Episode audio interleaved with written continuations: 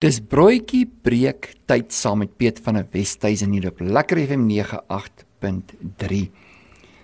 Wanneer jy in jou lewe om jou 'n bietjie rondkyk, dan sien jy hoe mense leef. Party mense leef vir hulle self, ander leef vir 'n groter doel. Ander gee net nie om hulle die doel en die funksie en die passie vir die lewe verloor. Hoe dit ook al sê, Elke mens staan verantwoordelik vir hulle eie lewe. En dan kom ek en jy op 'n punt waar ons vir onsself moet antwoord: Hoe leef ek? Hoe lyk ek in Jerusalem? Is ek weerstandig teenoor God? Is daar vrede in my stad? Hoe lyk die mure? Is dit herbou? Is daar lof en aanbidding wat uit my tempel elke dag aan God ook gebring word? Om persoonlike verantwoordelikheid vir 'n mens se eie lewe te neem en om op te hou om ander mense te blameer en kwaliek te neem vir wat ons nie is nie en wat ons nie doen nie en nie kan bereik nie help ons om dan ook verder te kan groei. Dis belangrik vir ons om te ontwikkel en te groei geestelik, emosioneel en fisiologies. Wanneer mens enige spiertoon in jou lewe nie gebruik nie, dan verloor jy dit.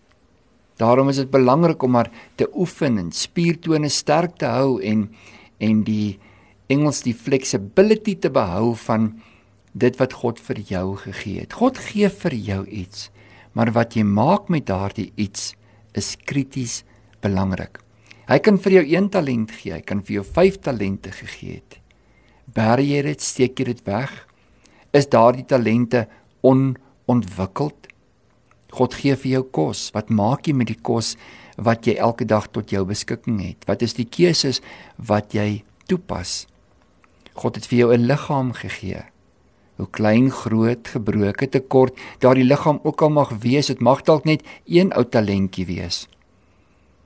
Bær jy daardie talent onder die grond of is jy besig om daarmee te woeker?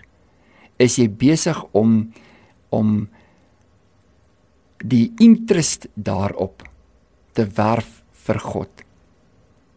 God roep jou vandag om vir jou te sê, ek het vir jou iets gegee, maar in dit wat ek vir jou gegee het, is daar baie meer. Dis jou deel nou. Maak meer met die bietjie wat ek vir jou gegee het. Jy het net gekom met jou vis en jou broodjie. Met danksegging en wanneer jy dit vir my gee, dan maak ek dit soveel meer. Kolossense 2 vers 6 en 7 sê die woord van die Here: Soos julle dan Christus Jesus die Here aangeneem het, wandel so in hom, gewortel en opgebou in hom en bevestig in die geloof, soos julle geleer is, terwyl julle daarin oorvloedig is in danksegging. Wanneer ons 'n kind is, dan dink ons soos 'n kind. Ons tree op soos 'n kind. En ouderdom is nie die reg van volwassenheid nie. Beteken nie as 'n mens oud geword het dat jy ook volwassenheid bereik het nie. Volwassenheid is 'n belyning aan dit wat goed en reg is. Volwassenheid is 'n ontwikkeling in hoër standaarde en forme van toepassing as waarin jy jouself tans bevind. Jy kan nie meer word as jy nie meer ontwikkel nie. Die Bybel het vir ons baie baie mooi beginsels en standaarde hoe ek en jy geestelik kan groei. Die eerste punt is uit die aard van die saak om 'n verhouding met God te kan hê. Om geestelik meer te word en meer te wees, behoort daar 'n verhouding met God te kan wees. Dit begin by daar daardie soeke na sy teenwoordigheid. Om bereid te wees om alles in jou lewe eenkant te skuif en te kan sê Here, ek soek u teenwoordigheid. Ek wil u nooit verruil nie, Here. Ek wil nooit so die dinge in my lewe bymekaar maak dat ek nie meer u teenwoordigheid by my het nie. Ek wil tyd in die woord deurbring. Ek wil hoor wat u woord vir my sê. Ek soek 'n nuwe vars manna elke dag uit die woord uit. Ek wil daar by die tempel, by die tafel van toonbrood gaan staan elke dag en ek wil u liggaam ook bedien met dit wat lewend en kragtig uit u hart vir die liggaam van Christus voortkom. 'n Verhouding met God is die absolute fondasie van geestelike volwassenheid. Ek kan nie leef op wat mense sê nie.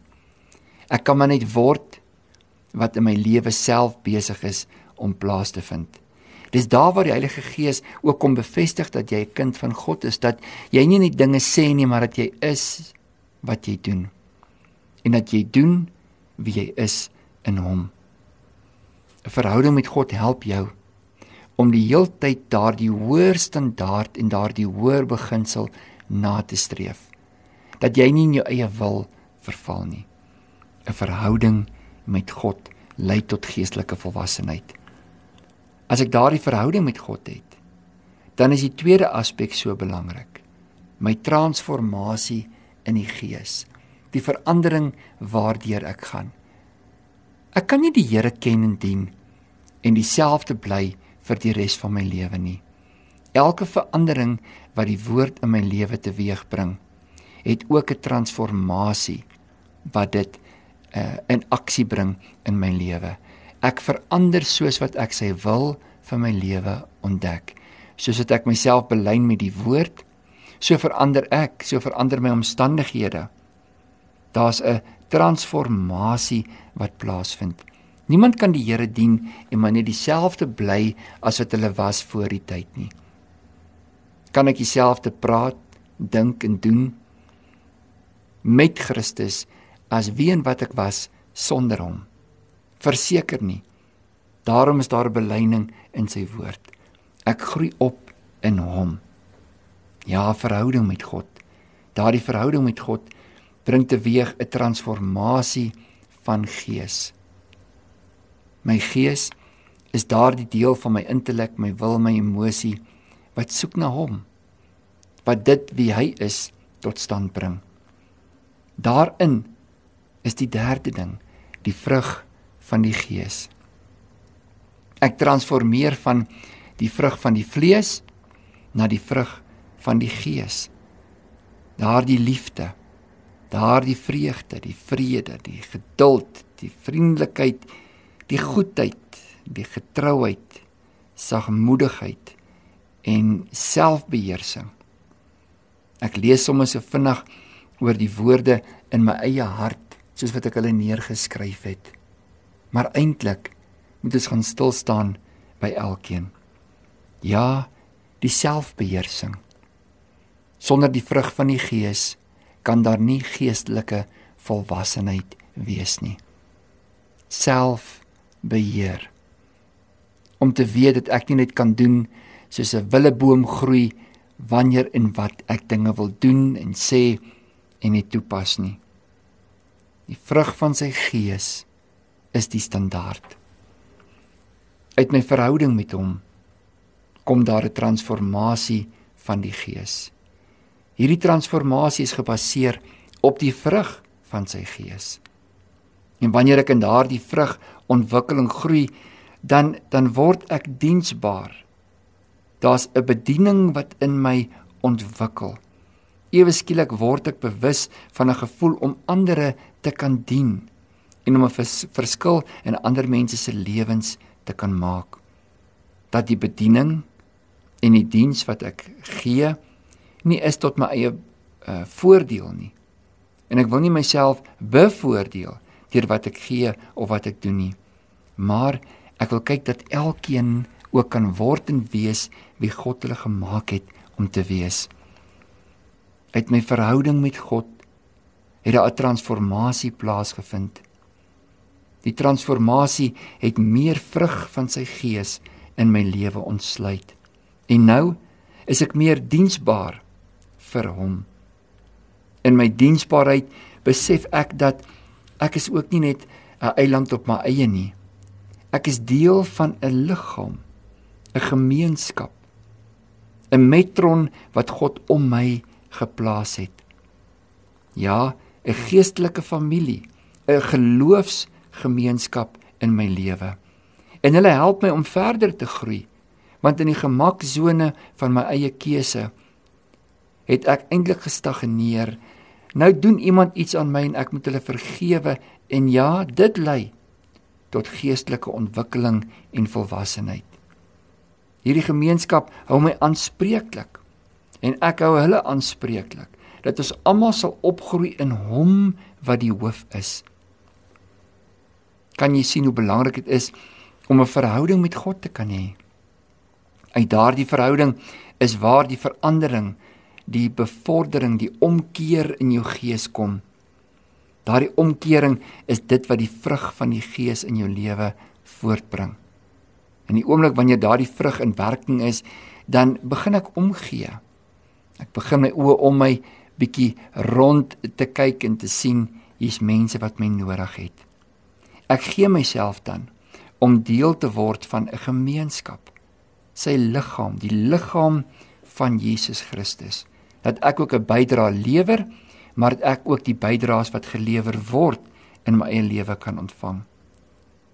Daardie gemeente en gemeenskap help my ook om 'n dissipline te ontwikkel sodat my disippelskap eh, meer gebaseer kan wees op die woord. Daardie disippelskap en dissipline lei vir my tot gebed en vasting en ander geestelike dissiplines wat vir my krities belangrik is sodat ek volwassenheid in geloofsverdieping kan ervaar in my lewe. Onthou, die belangrikheid van 'n gemeenskap is juis dit dat daar sekere dissiplines is waar ek nie natuurlik geneig tot is nie wat op my begin afsmeer. Dat ek meer word as net dit wat ek in myself is. Wanneer ek in hierdie disippelskap begin groei en ontwikkel dan trek ek die wapenrusting aan. Daardie wapenrusting wat my help om geestelike oppositie weer te staan kanting te kan bied daarteenoor hierdie geestelike gereedheid, hierdie waaksaamheid en vertroue op God, dit help my tot geestelike groei en volharding in hom. En dan kom die apostel Paulus en dan sê hy dat ons moet bly in Christus. Hy wat die wingerdstok is. Ons as gelowiges is die lote. Maar ons is ingeënt in hom vir lewensonderhoud, vir krag, vir geestelike uh, vitality, vitaliteit as ek dit so kan vertaal. Geestelike krag. Wanneer ek in die geestelik groei uit ons verhouding met hom uit, dan is die eindresultaat op die einde van die dag standvastigheid dat ons nie meer meegesleer word deur elke wind van lering of deur ervarings wat ek in my lewe het of dinge wat mense doen en nie doen nie maar dat my verhouding met hom saam met hom gebaseer is op dit wie hy in my geword het. Ek hoef nie myself te laat vergeld nie. Ek hoef nie almal te oortuig van dit wat ek dink ek moet wees en nie moet wees nie. Ek is dit. In hom vind ons ons bestaan. Daardie bestaan is juis die einddoel van volwassenheid, identiteit om te weet wie en wat ek is om nie soos 'n kind wil ek amper sê 'n tantrum te gooi elke keer wanneer iemand iets doen nie. Wanneer God nie aan jou vereistes voldoen nie. Wanneer jy na lewens van ander mense kyk en jou eie lewe nalat en hulle as 'n verskoning gebruik, hoekom jy nie jou lewe optimaliseer en doen wat God jou geroep het en gewees het uh, geroep het om te wees wat hy jou gemaak het om te wees nie. Jy vat jou talente vandag.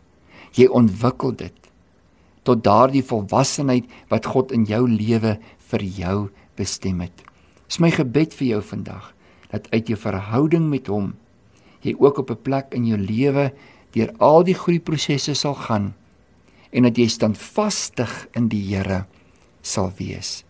Dat jou geloof gebaseer is op wie God is dat jou geloof nie meer gaan oor wat jy uit hom kan uitkry nie, maar wat hy in jou het, wat hy deur jou kan doen. 'n Groot, 'n sterk en 'n volwasse persoon wat deel is van 'n liggaam wat sy kant kan bring en 'n verskil maak. Die Here seën jou in Jesus naam.